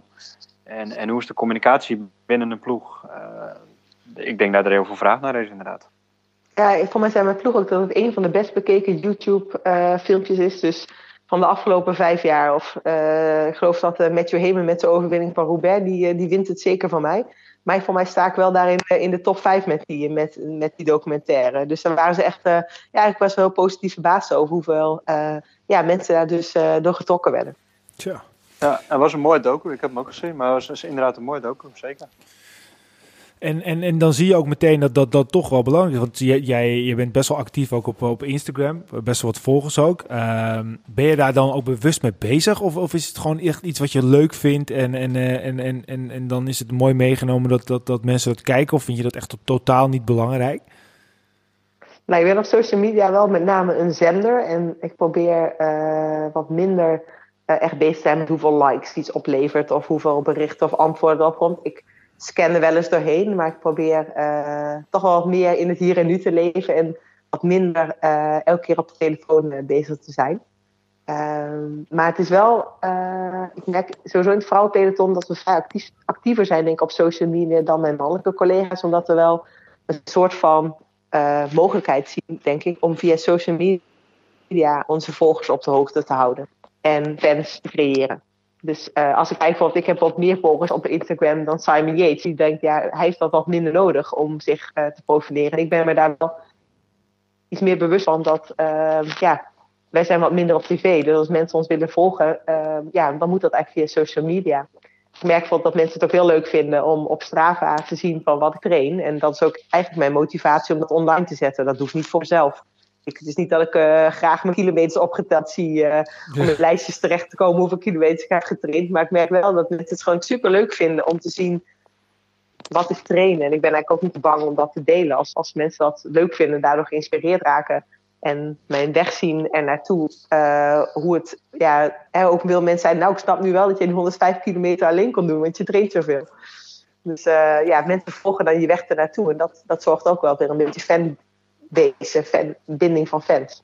En, en, en hoe is het dan, dan voor jou? Want je, ja, je kan jezelf een bekende Nederlander noemen, zo langzamerhand. Uh, je bent een uh, bekende sportpersoonlijkheid. Is dat, is dat, is dat raar? Hoe, uh, dat ontwikkelt zich natuurlijk, maar, maar hoe ervaar je dat? ja, wel een beetje bijzonder. Mijn, ja, dat, dat andere mensen gaan toch wat anders tegen je aankijken. En omdat je nu een trui hebt bijvoorbeeld, of omdat je een mooie sportprestatie hebt neergezet. Maar ik ben zelf altijd nog dezelfde persoon. Die gewoon hier studeerde in Wageningen en lekker uh, bier stond te hijsen hier. En uh, mijn studievrienden kijken nog steeds zo gewoon als anemiek tegen me aan. Maar er zijn andere mensen die mij later hebben leren kennen, of die mij alleen kennen van de sportprestaties, die, ja, die, uh, die dan echt tegen je opkijken. En dat is af en toe wel bijzonder om te merken. En ook natuurlijk hartstikke leuk, die aandacht. Uh, dus af en toe nog steeds wel even wennen. Ja. Uh, maar uh, ja, ik geniet er ook van. Het is hartstikke leuk dat, uh, dat mensen je zoveel kennen en geïnspireerd raken door wat je doet. En, en, en wat je, je noemt al bij je, ik bedoel, ik heb gewoon mijn vrienden van het studeren, maar heb je dan ook echt, echt specifieke, hele goede vrienden in het wielenwereldje? Of is dat echt iets wat je gewoon houdt bij de sport? hoe verhoudt zich dat een beetje? Ja, ik denk dat mijn beste vrienden wel gewoon nog uit mijn studententijd zijn. En eigenlijk ook van daarvoor mijn allerbeste vriendin. Uh, dus dat dat wel iets meer scheidt. Het is, ik heb wel heel veel, echt heel veel goede collega's in het peloton. En ook hele warme contacten. En uh, bijvoorbeeld Diana Venezuela, het meisje wat ik uh, bij in Colombia heb opgezocht. Kan ik wel zeggen dat dat nu een goede vriendin is geworden. Ah, ja. ik kende helemaal van tevoren niet. Ehm, ja, dat, dat, dat vind ik echt ook een verrijking aan het wielrennen. Dat je mensen dit kennen van allerlei andere nationaliteiten. En uh, dat is echt, ik vind ook een hele goede sfeer. Soms heet het vrouwenwielrennen wel eens de naam van dat het is. Nou, daar herken ik helemaal niets in. Ik vind dat uh, de sfeer is juist heel warm. En als ik ook zie wat voor reacties ik heb gekregen wat uit het peloton nadat ik zo hard was gevallen in Rio. Dat was gewoon onwijs hartverwarmend. Hoeveel kaartjes en berichtjes en ja, uit alle hoeken uit het peloton uh, naar me toe zijn gekomen. Dus dat, dat, is, dat is heel mooi. Ja, ja, ja dat, is ook, uh, dat, zijn, dat zijn natuurlijk de mooie dingen dat je, dat je zoveel mensen tegen kan komen. Dus dan zijn er ook altijd wel natuurlijk ja. hele, leuke mensen tussen. En weet je toevallig ook, uh, uh, dat is het mooie aan Pro Cycling Stats, we zijn even gek op die website. Weet je met welke renster je als teamgenoot het meest hebt gereden? De meeste racedagen, weet je dat uit je hoofd? Ik denk Marianne Post. Ja, en, en weet je ook wie daar op twee staat? Ehm, zo, Nee, ik heb geen idee. Het is, dat is Lisbeth de Vocht. Daar heb je 116 dagen mee, oh, mee ja. gereden. Ja, dat, dat, dat oh, wat leuk. Ja, de Belgische. Ja. ja en, en Amanda Spread, uh, die staat daar in uh, derde.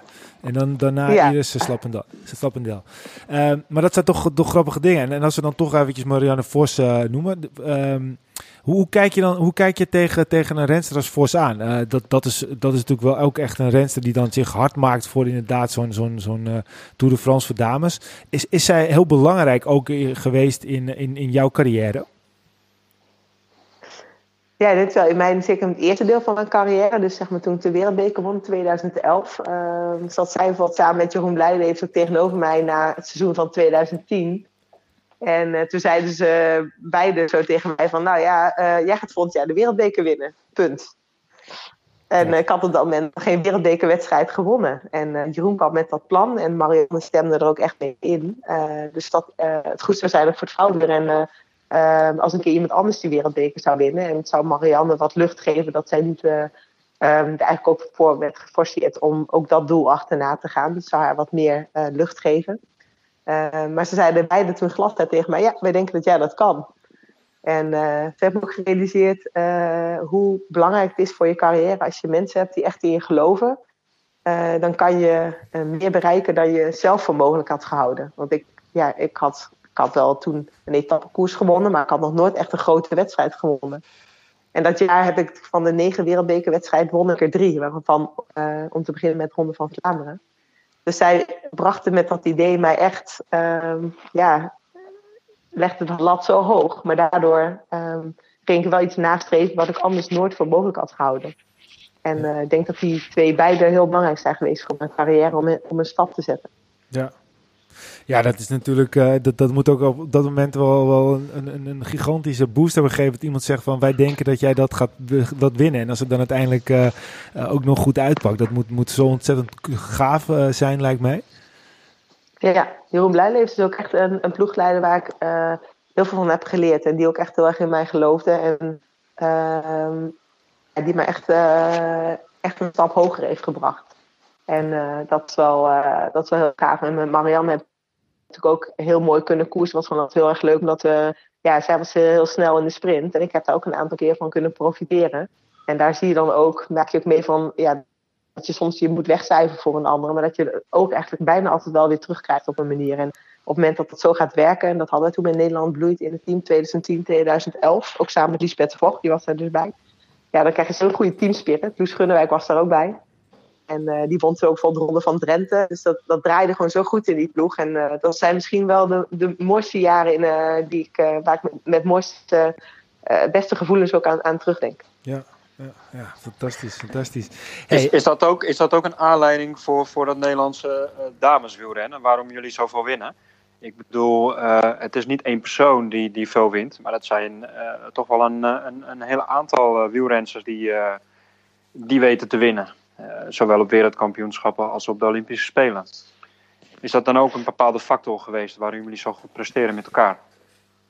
Ik denk dat het tot nu toe de top die nog steeds echt aan de, aan de top meedraait. is eigenlijk ook een beetje de basis die Joran Lammers heeft gelegd. Uh, die ons altijd meer op trainingskampen naar Zuid-Afrika, naar Gran Canaria. Die heeft toen, ja, toen er wat minder geld uh, rondging in het, in het vrouwenwielrennen. En, en de budgetten bij de ploeg gewoon heel erg beperkt was bood hij allerlei faciliteiten aan. Uh, en je ziet, uh, Chantal Blaak komt eruit voort, Alle van der Breggen, ik, Marianne Vos, ja. uh, Loes is dan nu gestopt. Maar ehm, ja, het is heel veel meiden die nu als Lucinda Brand, die, die, die, waar ik toen allemaal mee ging op trainingskamp. Jip van der Bos ben van me mee geweest. Ja, dus er zijn zoveel meiden die, die daarvan ja, hebben genoten. En, en wij maakten toen elkaar wel echt heel erg sterk met al die trainingskampen samen. Ja, Kist Wild ging natuurlijk ook mee. Uh, ja, dus uh, dat heeft denk ik wel voor een hele goede basis gezorgd toen het vrouwenrennen nog niet zo in ontwikkeling was en er wat minder budget was. Tja.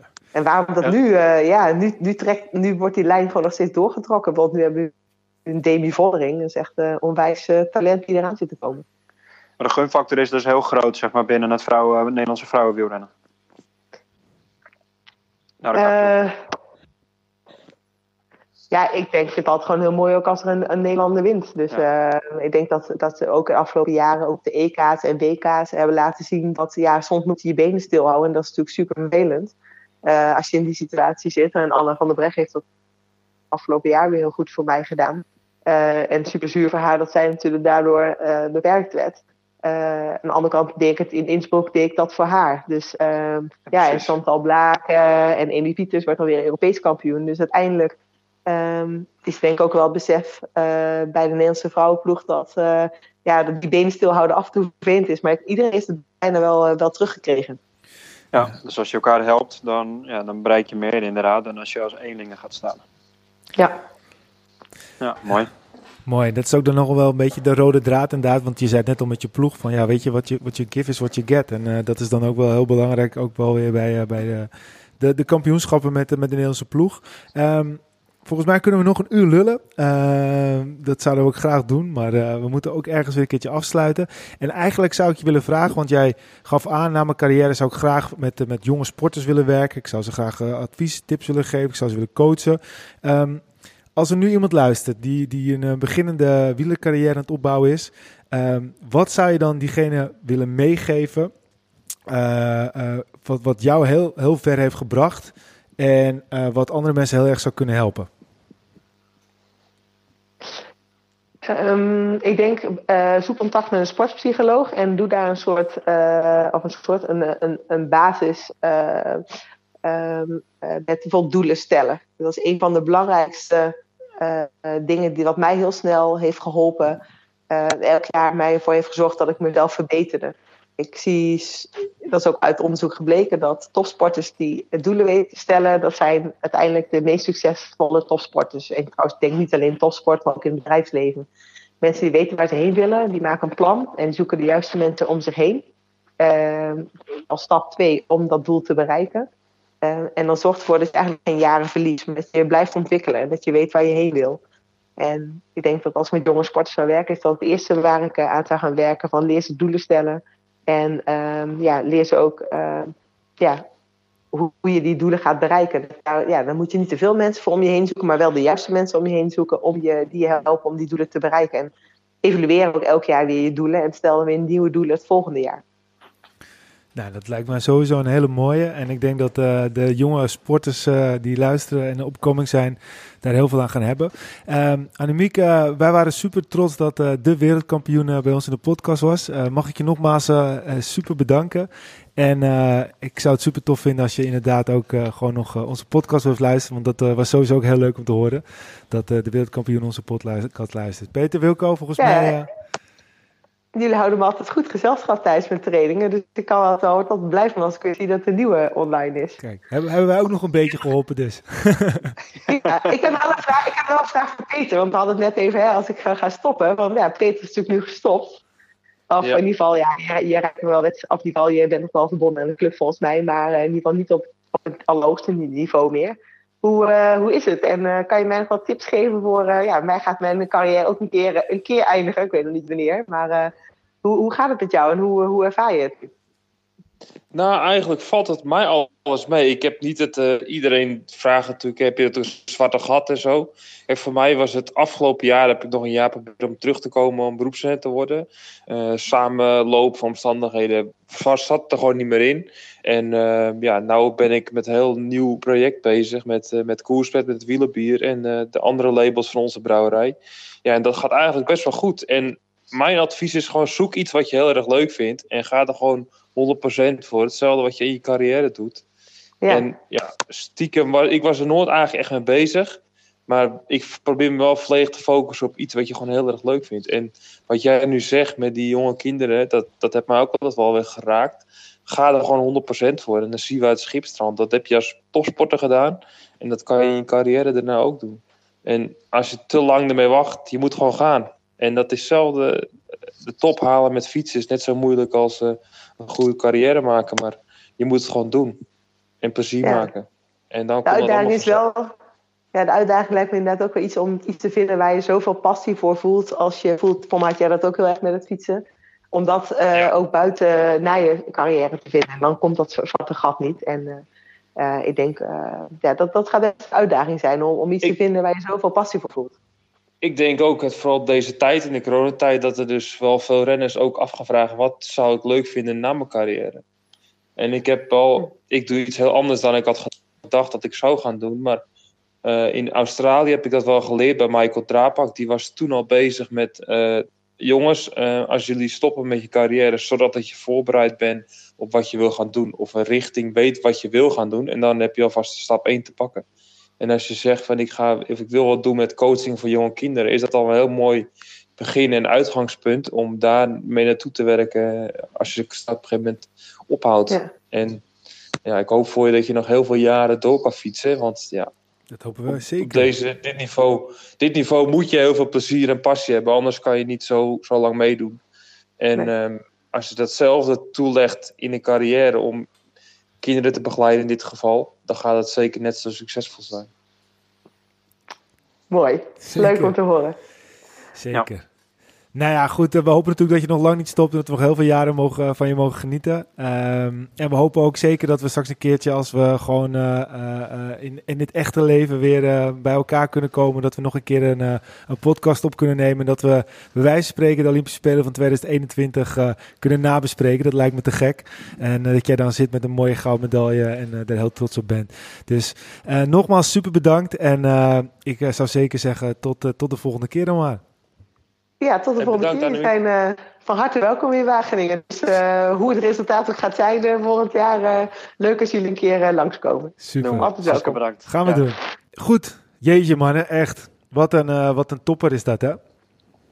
Wat een aanstekelijk enthousiasme. Ja. Ja, Ja, dat is heel mooi. ja ik heb het nu al veel gezegd, maar ik ben, ik ben er best een beetje trots op. We zijn ooit die podcast begonnen om eh, lekker te lullen over, eh, over fietsen. En ik vond het heel tof dat, eh dat laatste Bastian Langeveld eventjes in de podcast kwam. En nog wel wat anderen natuurlijk die, het heel tof, die we heel tof vonden. Maar ja, dit is toch een, een wiel, wiel, wielren-icoon. En die dan zo de tijd neemt om even over, over haar carrière te praten. Ja, dat vind ik gewoon heel tof. Ja, over Leuk, een eh, x aantal jaren, dan- dan komen wij in de oude doos. Hè? Dan, dan gaan mensen dit terugluisteren. Van, nou, weet Ja. je nog, toen de wereldkampioen in de podcast zat. Ja. Hey, jij mag goed een brugjes, Wilco, want eh, we, Ja, gaan nou, over naar, we gaan over naar de oude doos. En eh, ja, in de oude doos eh, eh, ja, gaan we straks even bellen met een, met een schrijver. Ik ga nog niet zeggen wie het is, maar met de schrijver. En die heeft een boek geschreven. En ehm, ja, dat boek is ook weer heel belangrijk voor de oude doos. Want eigenlijk het boek wat hij heeft geschreven zijn allemaal verhalen. Ehm, en eh, daar gaan we dus ook naar luisteren. Ja, en inmiddels hebben we contact met eh, Alex, Alex van der Hulst. Alex, eh, welkom in de podcast. Dankjewel. Leuk, leuk, leuk. Ja, en, eh, Ja, leuk om erbij te zijn. Ja, zeker, zeker. En eh, ja, de podcast is jou wel bekend, want eh, volgens mij eh, ben jij eh, eh, een van de deelnemers van een podcast die, eh, die echt supergoed wordt beluisterd, hè? Ja, ik zit met eh, eh, drie anderen maken wij Ik ken iemand die voor eh, over opvoeden. En eh, ja, dat hoor ik ook altijd, dat hij eh, dat hij goed is, wordt beluisterd door eh, jonge en vermoeide ouders. Die graag naar eh, andermans verhalen horen over hoe die het doen. Het grappige is dat zowel ik als Peter als Wilco allemaal hele jonge kinderen hebben. Dus eh, voor ons Ja. eh, is, het, is het ook een goede kost om het zo maar te zeggen. Maar ja, goed. dat, dat is weer een hele andere tak van sport. We hebben het nu over wielrennen. Ja, precies. Misschien kan je even uitleggen wat, wat jouw link met, met wielrennen is. En, en ook waarom wij jij nu juist bellen, jou juist bellen voor, voor deze podcast. Eh, ja, ik fiets zelf al eh, vanaf eh, mijn veertiende zo ongeveer, zo bij de Nieuwelingen.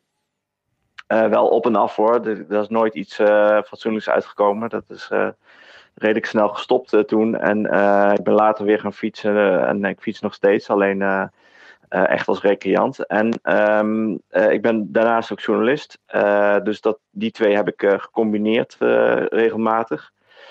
Eh, en dat leidde zo'n vijf jaar terug tot het eerste boekje wat ik schreef. Het draagt nooit de gele trui over eh, de, de regeltjes onder de recreanten. Maar ook onder de, over de types die er zo rondfietsen. Ja. Op, een, op een racefiets. op zondag over de dijk of ergens op, een heuveltje. Ehm, en eigenlijk, eh, ja, dat, op zich was dat niet de bedoeling om nog heel veel meer mee te doen. Want ik wist niet zo goed wat ik er nog meer mee kon doen. Alleen toen had ik wel wat van die avondjes gehad op uh, wieleravondjes waarin ik voorlas. En toen ik dat uh, een jaar terug nog had, toen dacht ik van, uh, nou leuk om dat nog een keer te doen eigenlijk. En toen bedacht ik me om een, soort van, een, soort van kanon te gaan maken over, over het wielrennen. Alleen dan niet alle bekende dingen, maar ook de wat meer onbekende dingen die, die de meeste liefhebbers toch wel kennen. Maar die nog niet zo cliché zijn. Ja, ja, en het grappige is dat, uh, dat, dat jouw eerste wielenboek, die staat ook bij mij, uh, mij in de kast. Dus ik, ik heb hem ook gelezen. Mm -hmm. Dus uh, tegen de tijd ja. dat wij contact met haar kregen, dacht ik, hé, hey, die naam komt me heel bekend voor. En toen ging ik even mijn boekkast ja. kijken, toen vond ik dat boek. Dus dat vond ik ook wel weer heel erg leuk. Ja. Nou ja, je hebt dus een, een nieuw boek gemaakt. Het mooiste mm -hmm. uit de koers, 50 iconen. Ja. Um, en uh, nou, ten eerste willen we natuurlijk alle luisteraars oproepen om vooral dat boek uh, te gaan, gaan kopen. Want het is een uh, heel leuk boek volgens mij geworden. En het is ook wel echt een boek wat bij mensen die van wielrennen houden in de kassa moet staan, toch? Ja, dat vind ik natuurlijk wel, ja. ja maar het is wel leuk om te kijken. Nee.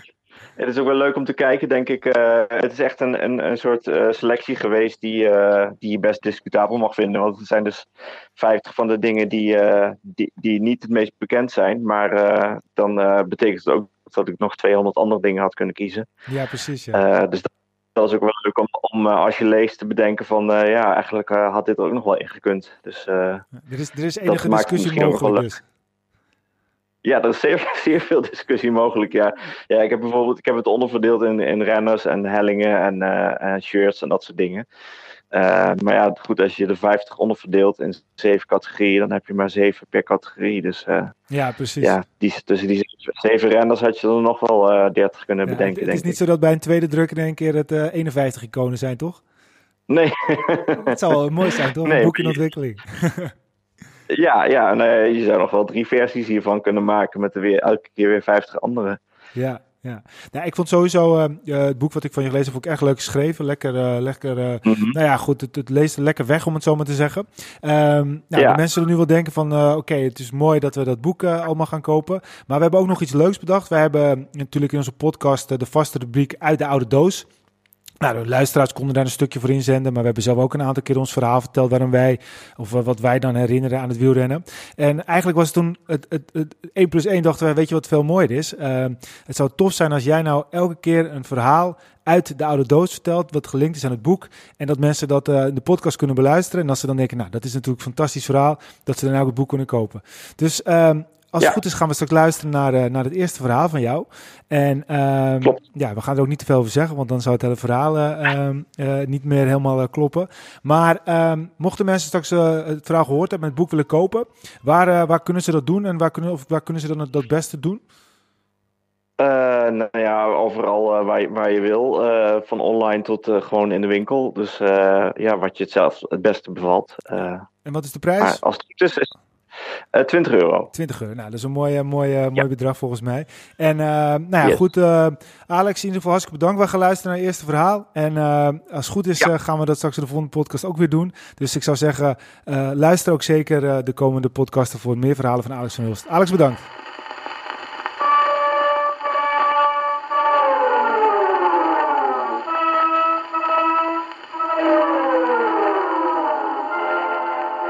Vandaag in de oude doos een verhaal uit het boek Het mooiste uit de koers 50 iconen van het wielrennen.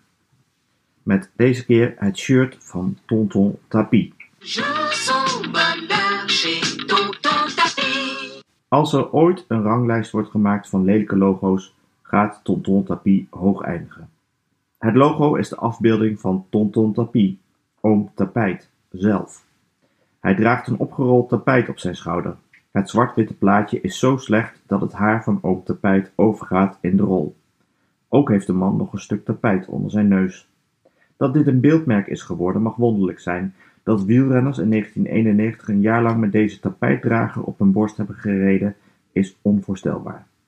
Met de tegels van Ariostea, de verf van Histor Sigma en het tapijt van Tonton Tapie kun je dat jaar trouwens een heel huis inrichten met wielersponsoren. De Tonton Tapie ploeg heeft geen best jaar in 1991. Dankzij Steven Roach, Dirk de Wolf, Jean-Claude Colotti en Francis Moreau wint het team wat semi-klassiekers en etappes in kleinere koersen. Maar de Tour wordt een ramp als Steven Roach te laat op het startpodium verschijnt voor de ploegentijdrit en naar huis moet omdat hij buiten tijd binnenkomt. Daarna rijdt de Fransman Jean-Claude Colotti nog enkele keren in de top 10, maar eigenlijk doet het team voor spek en bonen mee. In drie weken gaat er geen renner juichend de streep over met de tapijtman op zijn borst. We missen deze tonton-tragedie in Nederland, omdat onze aandacht in beslag genomen wordt door de intralipid-affaire van PDM in diezelfde tour. Ze hebben kip gehad, uh, gegrilde kip, zoals het menu. We hebben het menu van de dag waarover we denken dat we spreken.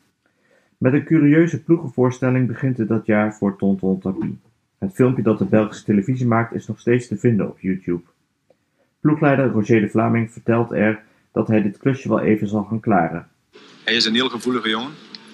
En ik weet nogal goed op te schieten met jongens die gevoelig zijn. Ik weet hoe ik uh, Stefan Roos zal moeten aanpakken. Maar uh, als hij zal presteren, dat moeten we nog afwachten. Maar ik hoop van wel.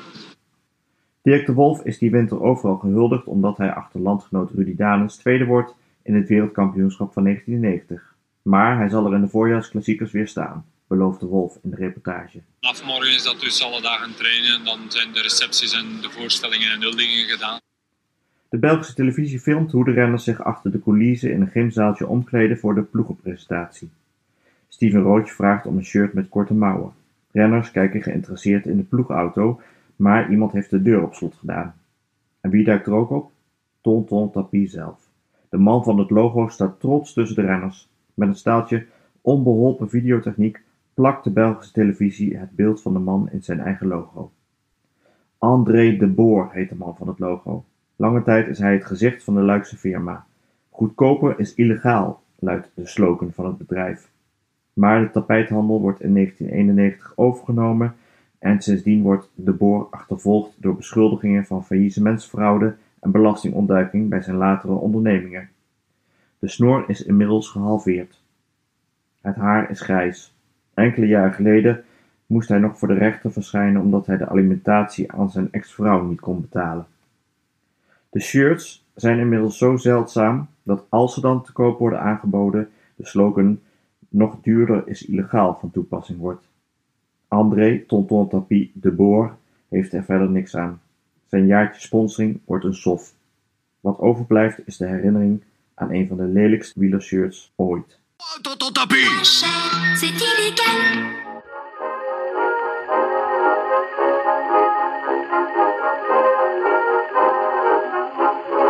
Ja, ja, mooi verhaal hè? Ja, zeker. Ja. En Ja. eh, Hebben jullie het shirt ook teruggekeken of niet? Opgezocht? het shirt. Nee, ik heb, ik, heb Ja. het, ik heb het zelf niet opgezocht. Jij wel waarschijnlijk dus? Ja, ik, ik moest gelijk denken aan het Skill Shimano eh, shirt. Zo lelijk. Oh ja? Ja. Ja, nou ja, goed. Weet je, En je moet hem eens opzoeken. Hij is, hij is echt lelijk. Hij, hij, hij, hij zegt het ook, maar hij is echt lelijk. Eigenlijk, weet je, het is met, met shirtjes. Eh, soms zijn dingen zo lelijk dat het uiteindelijk weer mooi is. Bijvoorbeeld het 7-Eleven eh, shirtje is, is natuurlijk eh, ook op Swift weer ook een soort van icoon, toch? Die, eh, die mensen dan eh, helemaal kunnen dragen. Ik weet dat het dan de, de Z voor Swift staat.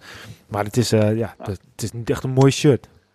En het levert gewoon mooie verhalen op. Ja, dat zeker. Zoals zeker. dit ook. Er wordt, En- wordt wel weer over geluld. En het is heel tof dat, eh, dat we met Alex eh, een, eh, mooie toevoeging hebben op de podcast. Want eh, hij heeft nog veel meer mooie verhalen en hij gaat nog heel veel oude dozen vullen met, eh, met zijn verhalen. Mooi. Ja, leuk. Hey eh, jongens, we gaan lekker afsluiten, want volgens mij duurt die podcast zo langs van straks alweer, alweer weer twee uur. Nou, dat is misschien een beetje overdreven. Eh, Wilco, laatste woord. Nou ja, wat de vorige podcast hebben we het nog gehad over. We hadden toen geen koersbed eh, weggegeven. Ja, klopt. En toen zeiden we van, nou, de volgende podcast gaan we weer eh, wat bedenken, zodat we weer koersbed kunnen weggeven. Ja, Nou, misschien, misschien is het wel leuk, want het moment van opnemen is nu herdenkingsdag. Dus morgen is bevrijdingsdag. Misschien is het leuk als mensen morgen onze podcast luisteren tijdens een lange duurrit. Dat ze tijdens een lange duurrit een hele gave bevrijdingsdagfoto eh weten te maken. En die online eh, posten. maar dat mag ook op een andere dag hoor. eh, Dat mag ook op een andere dag dan, want bedoel, mensen, heel veel mensen luisteren misschien niet op bevrijdingsdag. Ja, mag ook op een andere dag. Maar dat ze een gave foto maken. En, en de- tijdens hun rit. En dat ze aan dan, aan dan daarvan kiezen wij een hele mooie foto uit. En die krijgt een koerspet opgestuurd. Ja, dat lijkt me een goeie. En dan, dan moeten ze daarnaast nog even een mooie recensie geven. Want dat is natuurlijk weer belangrijk om eh, mooi in de lijst te komen. Maar het lijkt me een goeie. Dat gaan we doen. Ehm, Top. Peter, nog iets? Nou, ik vond het leuk. Ik vond het ook leuk leuk. gesprek met Ja. Dynamiek. Ja, ja. Ja, motiverend. een leuke Ook, ook eh, zakelijk gezien motiverend. Ik bedoel, eh, te zien maar weer dat sport en eh, zakelijk, eh, of, eh, sport en zaken soms best wel dicht bij elkaar liggen. Ehm, het geeft motivatie en dat is ook, eh, ook leuk. Ja, leuk hè. Top man. Ja. Hey eh, mannen, we gaan, eh, gaan afsluiten. Eh, bedankt voor het luisteren. Volg ons op Facebook, facebook.com slash Arrière de la Course. Twitter, Arrière en hoofdletter C. Instagram, podcast Arrière de la Course. En ga ook zeker kijken op onze website www.arrièredelacourse.nl Bedankt voor het luisteren en tot de volgende Arrière de la Course.